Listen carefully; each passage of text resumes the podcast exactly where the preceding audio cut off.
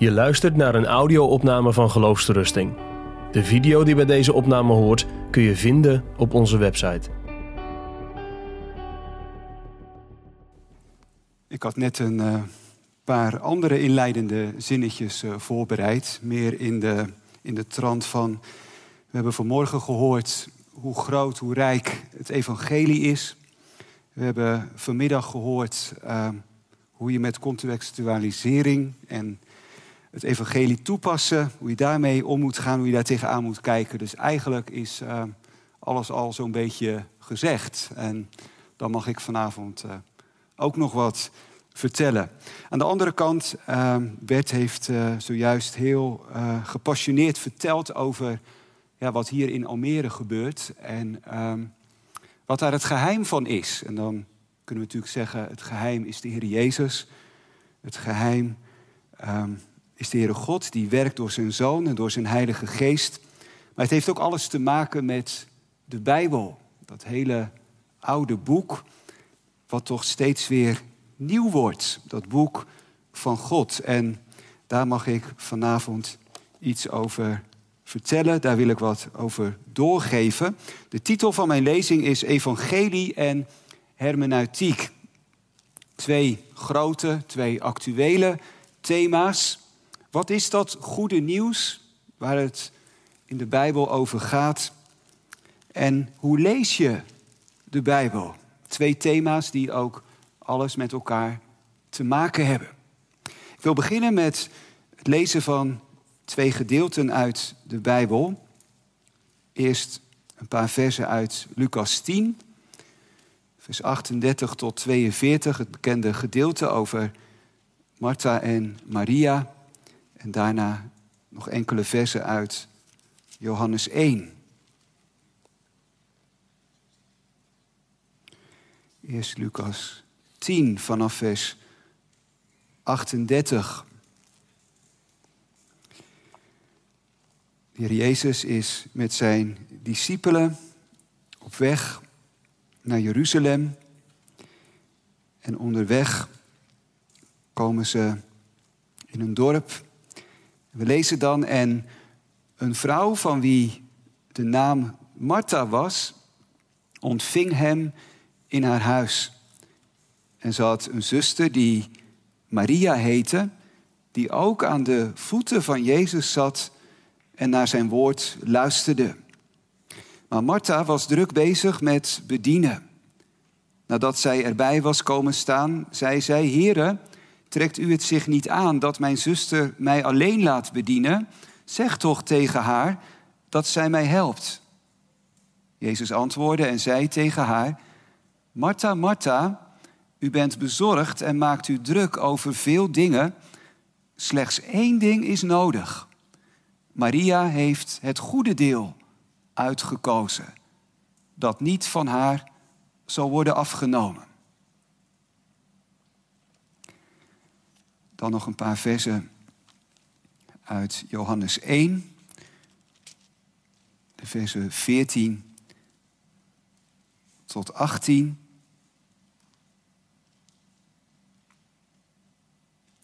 Johannes heeft verteld over het woord dat bij God was en wat zelf ook God was.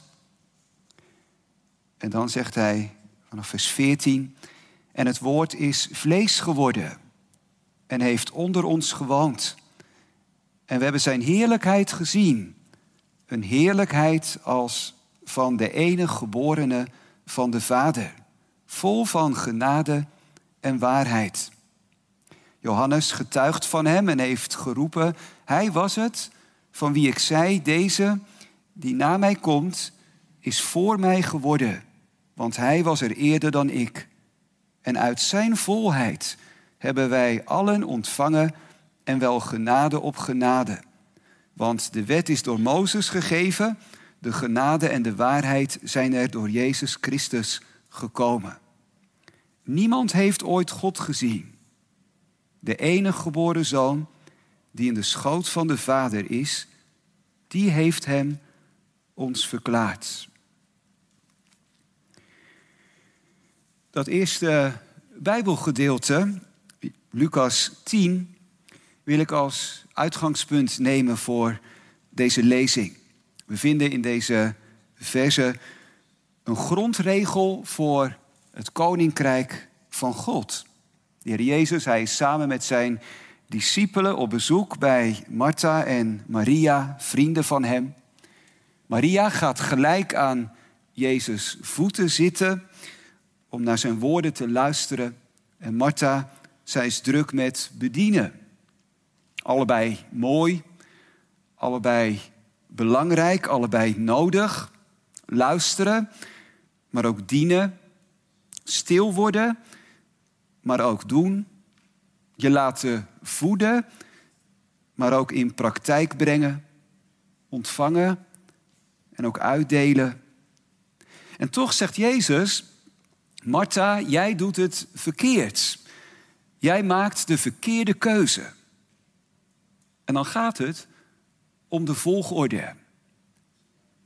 Nu Jezus op bezoek is en nu Hij wat tot hen te zeggen heeft, nu moet ook Martha, net als Maria, luisteren.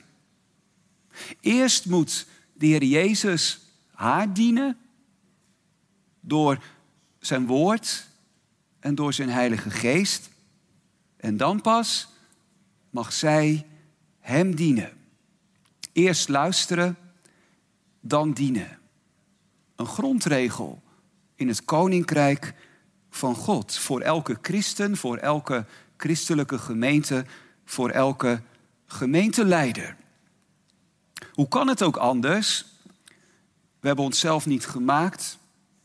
We zijn niet bedoeld om zelf ons leven uit te vinden. Bovendien, we zijn zondige mensen, zo geneigd om bij God weg te lopen, tegen Hem in te gaan en naar de rand van ons leven te duwen, of Hem anders te gebruiken voor onze eigen belangen. Daarom die keuze van Maria, waar de Heer Jezus ook Martha toe oproept. Eerst luisteren, steeds weer opnieuw en dan dienen. Nou, voor ons betekent dat luisteren naar de Bijbel, het woord van God. En God door zijn woord in ons hart en in ons leven laten werken. Steeds weer luisteren. En dan pas zijn we geschikt, zijn we in staat om Hem te dienen. Toch is dat wel wat algemeen. Natuurlijk zal iedere christen zeggen, de Bijbel, dat is het boek van God, of in ieder geval dat is het boek van de kerk, dat is het boek waardoor we ons laten inspireren. Maar wat betekent dat dan in de praktijk? Voor wat je gelooft en voor hoe je leeft, hoe je ook samen gemeente bent, ook voor de missie die je hebt. En dan zie je, als je beter kijkt tussen christenen die allemaal zeggen dat ze zich door de Bijbel laten inspireren en dat ook willen laten doen, hele grote, hele wezenlijke verschillen. Hele pijnlijke verschillen ook. En eerder werd er dan vooral gediscussieerd en gesproken over de inspiratie van de Bijbel, wat dat precies inhoudt, of over de relatie tussen de Bijbel en de traditie, of over de verhouding tussen Gods algemene openbaring en Gods bijzondere openbaring. En in onze tijd gaat het dan vooral om de vraag hoe lees je de Bijbel?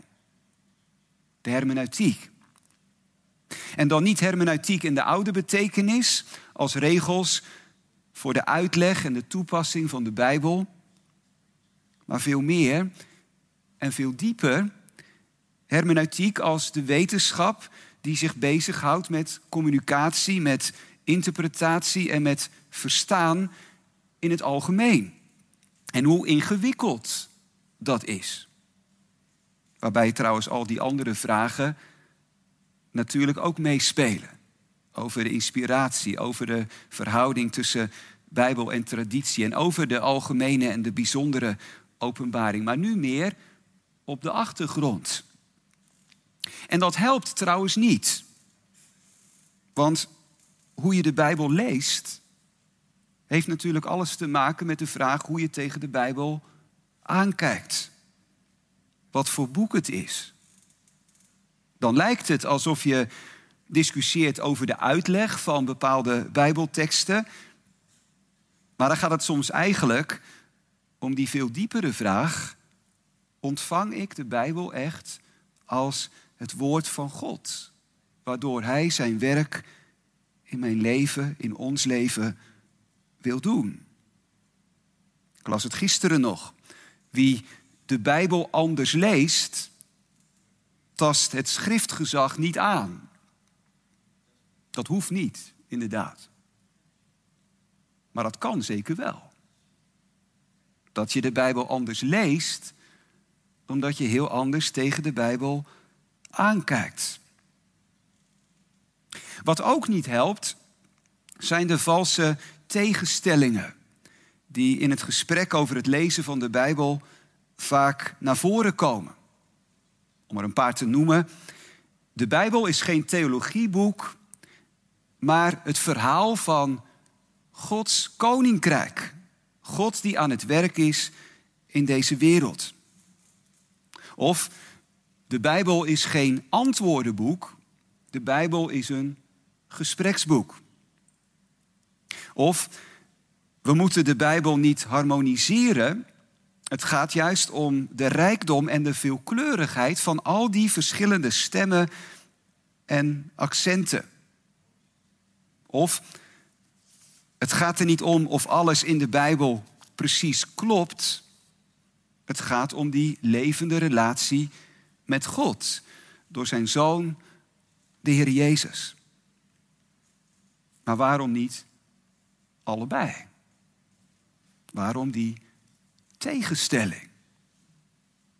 Ook als het gaat over de hermeneutiek, kunnen we het beste maar heel dicht bij het centrum blijven. Heel dicht bij het evangelie. Daarom ook de titel van mijn lezing.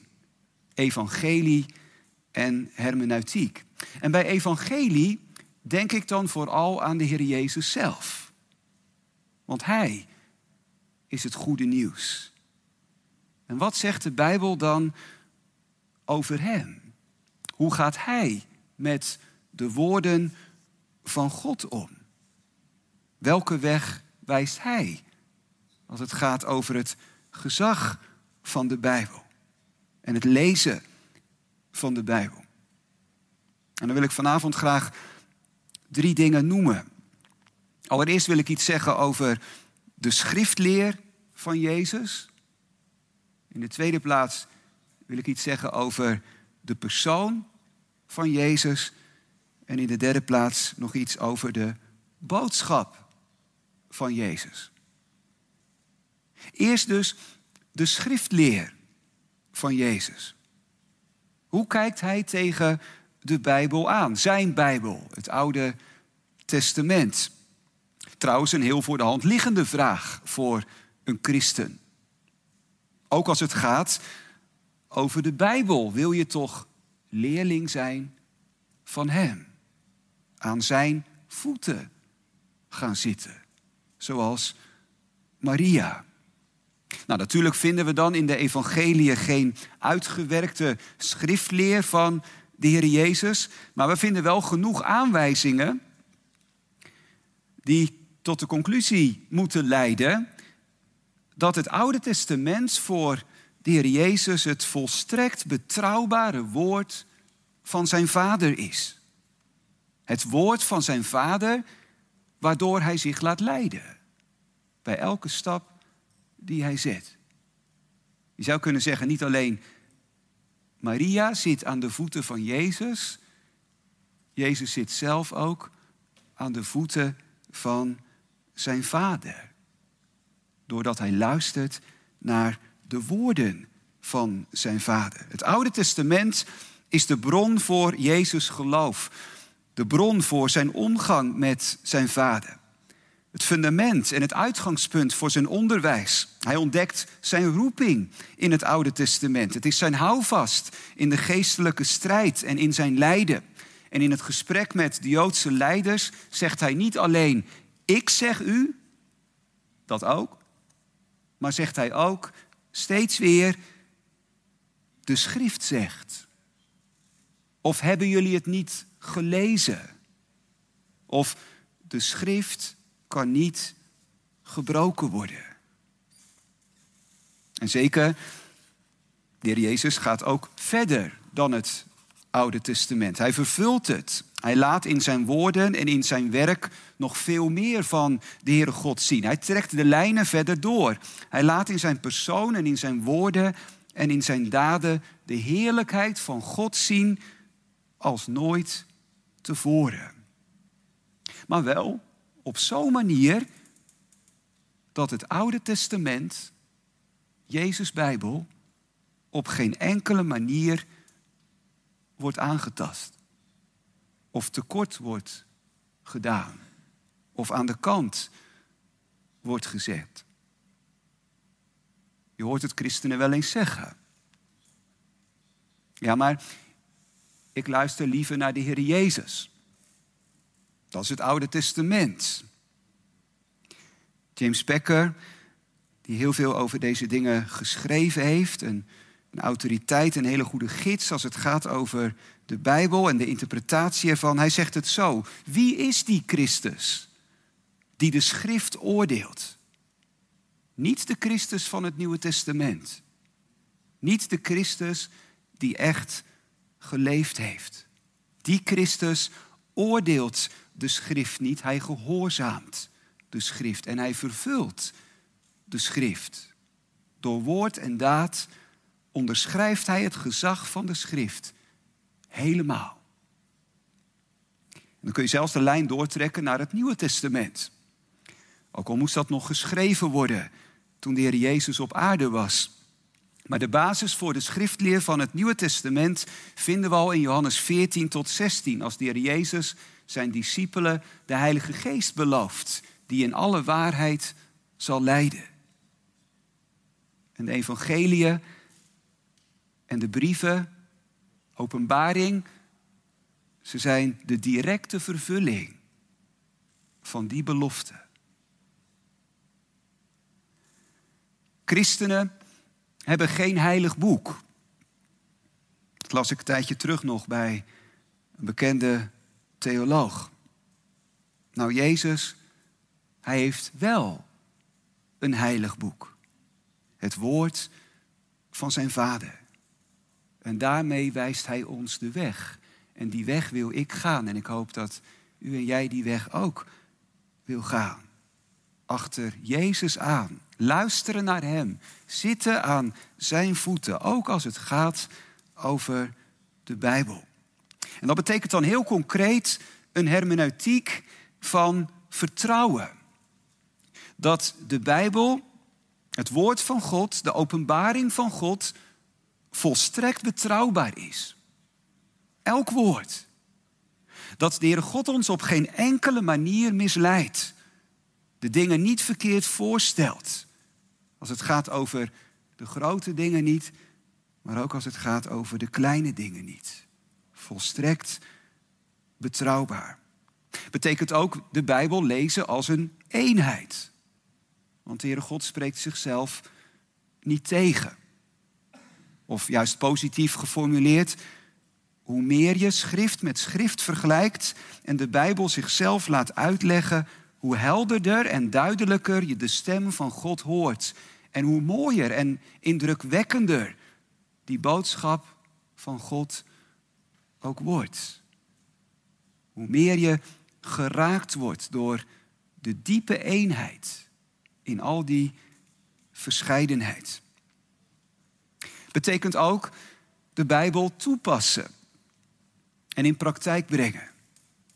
Want Heere God, Hij spreekt zijn woord niet alleen om ons te informeren, inderdaad, maar ook om ons te transformeren, om ons te bekeren, om ons te vernieuwen.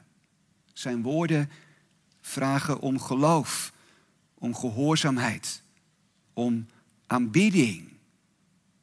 Luisteren om te dienen. Zitten aan Jezus' voeten om daarna te doen wat Martha deed. Dienen.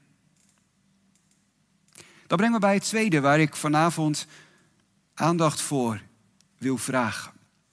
En dat is de persoon van Jezus. Wie is Hij?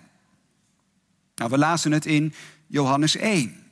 Hij is het woord van God dat vlees geworden is. De eeuwige zoon van God die bij God was, die zelf God was, dat ook altijd geweest is en altijd blijft, door wie alle dingen gemaakt zijn, die het licht van de mensen is. Hij is naar ons toegekomen. Mens geworden. Johannes zegt zelfs vlees geworden. Dat wil zeggen mens in al zijn kwetsbaarheid. Zo diep afgedaald. Zo dichtbij. Ik moest denken aan wat iemand eens tegen me zei. Dominee, als ik aan de Heere God denk, denk ik toch vooral aan de Heer Jezus. Hij voelt wat dichterbij. Mag dat wel? Is dat wel goed? Ik zou bijna zeggen, ja, dat is nu precies de bedoeling. Zoals Calvijn het heel mooi zegt, in zijn zoon heeft God zich klein gemaakt. Om alle schroom, om alle afstand weg te nemen. Om ons naar zich toe te trekken. De Heere God zegt, zo ben ik. Zoals mijn zoon. Niet anders. Ik ben zoals Hij. Wat heeft dat te maken met de Bijbel? Nou, wat de God gedaan heeft in zijn zoon, dat heeft Hij ook met zijn woord gedaan. Hij komt van boven naar beneden. Hij komt dichtbij. Zijn woord is vlees geworden. Die analogie, die vergelijking mag je niet overvragen. Maar het is natuurlijk wel een aanwijzing dat zowel de schrift als de zoon van God het woord worden genoemd. Jezus, God en mens en de Bijbel. Geschreven door God, geschreven door mensen. De Zoon van God is in onze huid gekropen. En de Bijbel is het woord van God in onze eigen taal en in onze eigen cultuur en in onze eigen geschiedenis. Augustinus, hij ergerde zich daaraan, aan dat menselijke, dat aardse, dat concrete van de Bijbel, dat kwetsbare ook. Dat past toch niet bij God? God die zo groot, zo anders is dan wij, zo hoog verheven. Later zag Augustinus in dat dit nu juist de genade van God is. Zijn liefde. Dat Hij zo diep tot ons afdaalt. Zo ongelooflijk dichtbij komt. In zijn zoon, maar ook in de Bijbel. Midden in ons gebroken en verloren leven. Eigenlijk zoals Maria. Zij mag zo dicht bij de Heer Jezus zijn. Zo mogen we ook tegen de Bijbel aankijken. Zo dichtbij komt God. Zijn woorden in mensenwoorden. Dat menselijke en dat concrete brengt wel allerlei lastige, exegetische en hermeneutische vragen met zich mee. Juist in onze tijd zijn we daar heel druk mee. Die vragen moeten we ook serieus nemen, alleen al omdat de Heere God ons vandaag aanspreekt via die eerste auteurs en die eerste hoorders. We moeten eerst terug naar toen om te horen wat God vandaag tegen ons zegt. Die lastige vragen kunnen ons trouwens ook helpen om onze eigen vooroordelen onder kritiek te stellen. Want dat de Bijbel waar en betrouwbaar is, wil natuurlijk niet zeggen dat onze uitleg van de Bijbel ook altijd waar en betrouwbaar is. Of dat dat het hele verhaal is. Maar de God, Hij weet ook van die problemen. Hij weet ook van die kloof tussen die oude tekst en onze wereld vandaag. En hij weet ook dat wij er zelf zo tussen kunnen zitten. Met onze beperkte blik, met onze voorkeuren, met onze vooroordelen. De Heere God, hij weet dat ook. En toch heeft hij ervoor gekozen om zo door mensenwoorden tot ons te spreken. Zo diep tot ons af te dalen. En als God daar dan voor gekozen heeft, dan mogen we ondanks al die lastige vragen de Bijbel met heel veel vertrouwen lezen. Het is Gods verlangen om door dat boek tot ons te spreken. En door zijn geest leidt hij in alle waarheid. Hij overbrugt die kloof. De Bijbel is niet allereerst een probleem, allereerst een geweldig geschenk. God spreekt. En hij spreekt tot ons in onze eigen taal. Je zou het ook zo kunnen zeggen dat de Bijbel ook een heel menselijk boek is, dat verdiept het eerste wat ik noemde. Een heilig boek, het boek van God, het boek wat niet gebroken kan worden en dus toch ook menselijk, kwetsbaar, een spanning. Het gaat vooral ook wonderlijk samen. Woorden van God en woorden van mensen. Woorden van mensen en woorden van God. En dat brengt me bij het derde en het laatste waar ik vanavond iets over wil zeggen. Dat ligt ook het dichtst bij de titel van de lezing. De schriftleer van Jezus, de persoon van Jezus en dan de boodschap van Jezus. Wat preekt hij? Waar gaat het hem om? Nou, dat is eigenlijk heel eenvoudig. Hij preekt zichzelf. Vooral de Joodse leiders, ze voelden dat heel goed aan. Hoe Jezus alle aandacht vraagt voor zichzelf. Johannes 14, vers 6. Ik ben de weg, de waarheid en het leven. Wie durft dat te zeggen? Jezus, hij zegt het. Hij preekt zichzelf. En niet als voorbeeld, als modelgelovige, als de grote liefhebbende naaste, maar als redder, als verlosser, als zaligmaker. Het christelijk geloof is een religie voor zondaren. Hoe wordt die kloof tussen God en mijn hart overbrugd? Hoe wordt die verbroken relatie hersteld? Hoe vind ik God weer? Hoe kom ik weer thuis bij Hem? Die vragen leert God ons door de Bijbel stellen. En als je die vragen nog niet stelt, ja, dan begrijp je eigenlijk niet waar het in de Bijbel over gaat. En die vragen wil God ook beantwoorden. Jezus, hij beantwoordt ze. Daarom kwam hij uit de hemel. Niet om dicht bij ons te zijn op zich, niet om mee te leven in onze gebrokenheid op zich. Hij kwam om ons te redden. De incarnatie was een geweldige reddings operatie. God, hij doet het onmogelijke. Hij stuurt zijn eigen zoon. Het liefste wat hij heeft.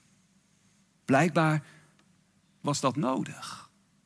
Dat hemel en aarde bewogen moesten worden. Jezus kwam om te redden, om die geweldig diepe kloof die door de zonde tussen God en ons mensen ontstaan was te overbruggen. Om al het puin tussen God en ons op te ruimen. Om zo ook al Gods beloften te vervullen. Gods koninkrijk, Gods nieuwe wereld beslissend dichtbij te brengen. Zo dichtbij, we hebben het vanmorgen gehoord, zelfs in ons hart.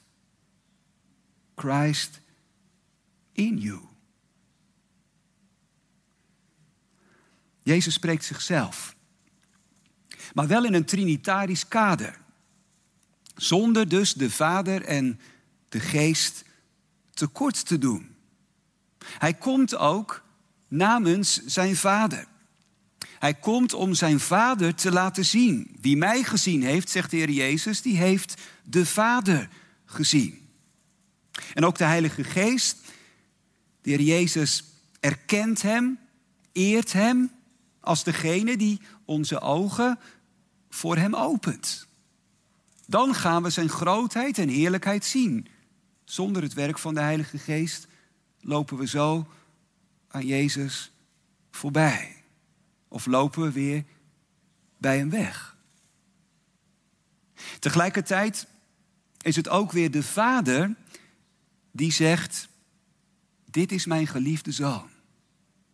Luister naar Hem. Je kunt de Vader niet meer eren dan door zijn Zoon te eren. En tegelijkertijd verlangt de Heilige Geest ernaar om zelf op de achtergrond te blijven en Jezus vol in het licht te zetten. Jezus preekt zichzelf. Paulus, hij vat het heel mooi samen. In dat bekende gedeelte 1 Korinthe 15, de versen 3 tot 5. Misschien wel het meest heldere, de meest heldere samenvatting van het evangelie. Een soort geloofsbeleidenis. Veel uitleggers denken ook dat Paulus daar een oude christelijke geloofsbeleidenis aanhaalt. Misschien wel de eerste christelijke geloofsbeleidenis. Hij zegt, dit is wat ik u ten eerste heb overgeleverd. Wat ik ook ontvangen heb. Dat Christus gestorven is voor onze zonde overeenkomstig de schriften. Dat hij begraven is en dat hij opgewekt is op de derde dag overeenkomstig de schriften. En dat hij verschenen is. Dat is de kern. Paulus zegt, dat heb ik ten eerste overgegeven. Niet in de zin van, ik, was, ik had ook met iets anders kunnen beginnen, maar in Korinthe begon ik hiermee. Nee, hier gaat het om. Dit weegt het zwaarst.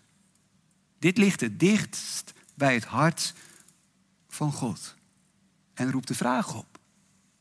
Wat staat bij ons op de eerste plaats? Waar zijn wij vooral druk mee? In ons persoonlijk leven, in de gemeente. En wat verbindt ons met andere christenen. Dat we op dezelfde manier tegen de kerk aankijken. Dat we dezelfde doop- of verbondsvisie hebben. Dat we elkaar herkennen, op het punt van de liturgie, de levensstijl of de verhouding tot de cultuur. Dat we Israël niet vergeten. Allemaal belangrijk. De Bijbel heeft het erover. Maar Paulus noemt het in 1 Korinthe 15 niet. Het moet ten eerste over de Heer Jezus gaan. Zijn komst naar deze wereld. Zijn dood aan het kruis. Zijn opstanding. En dat Hij de levende is. Dat Hij verschijnt. Ook vandaag. Om mensen te laten delen in heel zijn volheid. In zijn liefde. In zijn rechtvaardigheid. In zijn vreugde in zijn vrede. En vanuit dat centrum komen dan ook alle andere thema's in de Bijbel tot hun recht. En krijgen ze de juiste plek en de juiste inhoud. Ik bedoel maar te zeggen, we moeten de Bijbel evangelisch-centrisch lezen. En Paulus, hij doet het zelf ook voor. Want als hij in Efeze 1 over de uitverkiezing spreekt, dan is dat een uitverkiezing in Christus.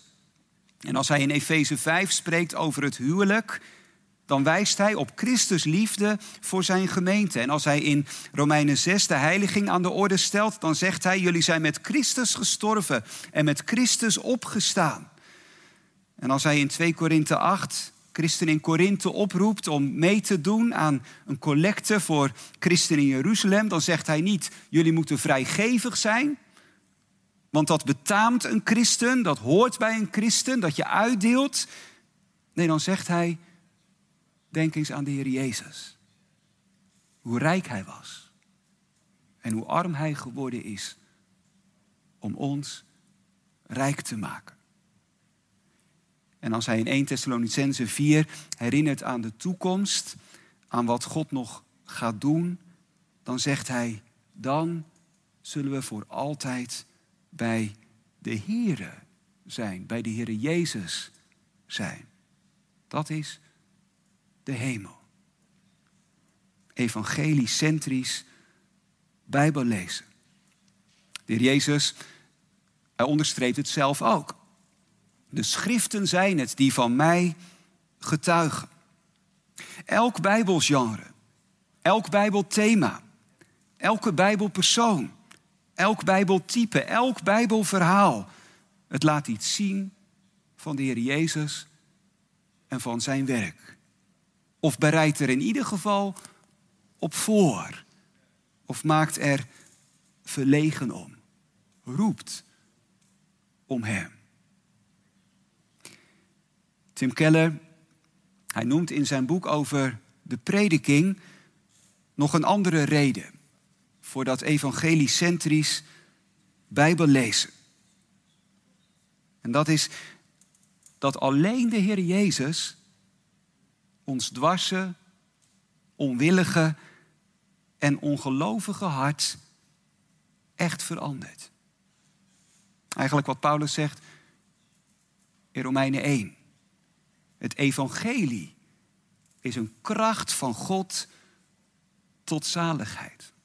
Keller zegt, je moet de Heer Jezus zien met de ogen van het geloof. Dan pas laat je je afgoden los. Dan pas vergeet je jezelf. Dan pas stop je met jezelf te redden. Geef je je over aan de Heere God, aan Zijn genade. Ga je leven voor Hem. Als God ons laat aanlopen tegen Zijn wet, worden we stilgezet. Voelen we hoe hard we Hem en Zijn genade nodig hebben.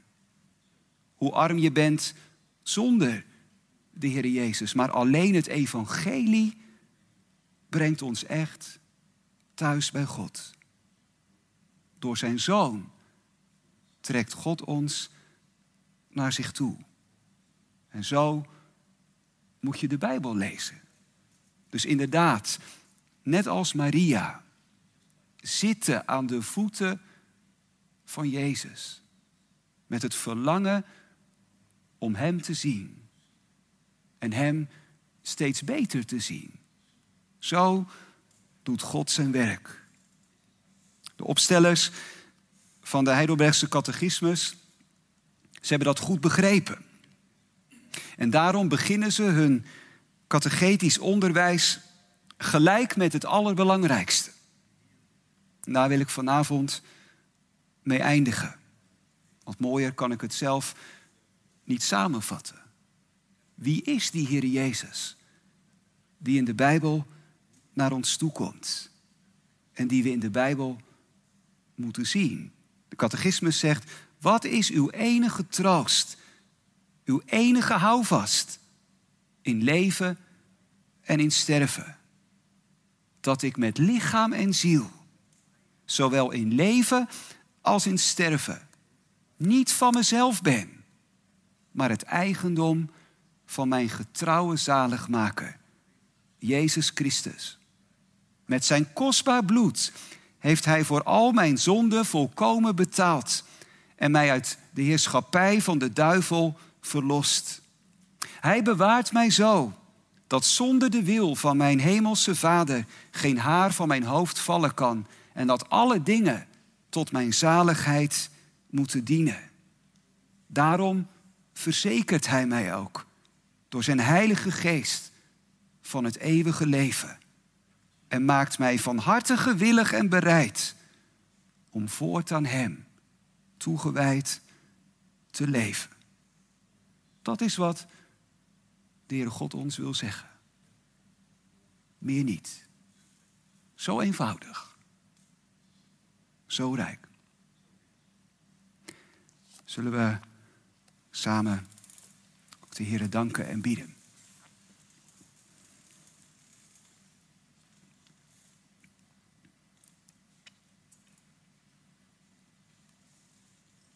Heere onze God, bedanken u voor wie u bent. De God van alle genade. En dat het uw verlangen is om vanuit uw rijkdom aan ons uit te delen. U gaf zelfs uw eigen zoon. We danken u voor uw grote gave. En we bidden u, heren, dat we hem mogen ontvangen. Steeds weer. Ook als hij in de Bijbel naar ons toe komt. Als u hem ook steeds weer laat zien. Als hij zo vanuit de Bijbel in ons leven wandelt. Heren, dat we ons mogen verwonderen over wie u bent over wat u doet. Dat u zo diep bent afgedaald dat u zich in uw zoon zo klein hebt gemaakt, zodat we allemaal bij u kunnen. Werkt u dan krachtig door uw Heilige Geest ons persoonlijk leven? Zegent u ons in onze bediening die u ons gegeven hebt? Zegent u ons in onze gemeenten? Bouwt u uw koninkrijk overal deze wereld. Heere, geeft u ook veel vertrouwen in uw woord. Al een kostbaar geschenk hebt u ons gegeven. Een lamp voor onze voet, een licht op ons pad. We danken u dat we zo steeds, net als Maria, aan uw voeten mogen zitten, Heer Jezus. En maakt u ons dan bekwaam Rust u ons toe. Deelt u uit. Zodat we u mogen dienen. Vader, Zoon en Heilige Geest. U zij alle eer. Amen. Ik ben nog één ding vergeten. Ik had Marcel nog beloofd om uh, even te herinneren aan dit boekje. Een schitterend boekje van Kevin de Jong. God, op zijn woord vertrouwen. Um, alles wat ik vanavond heb gezegd, maar dan nog veel mooier en veel duidelijker. Um, en nog wat uitgebreider. Echt een heel mooi boekje om, uh, nou ja, de titel zegt het al. God op zijn woord vertrouwen. Daar wil dit boekje bij helpen. En het helpt ook.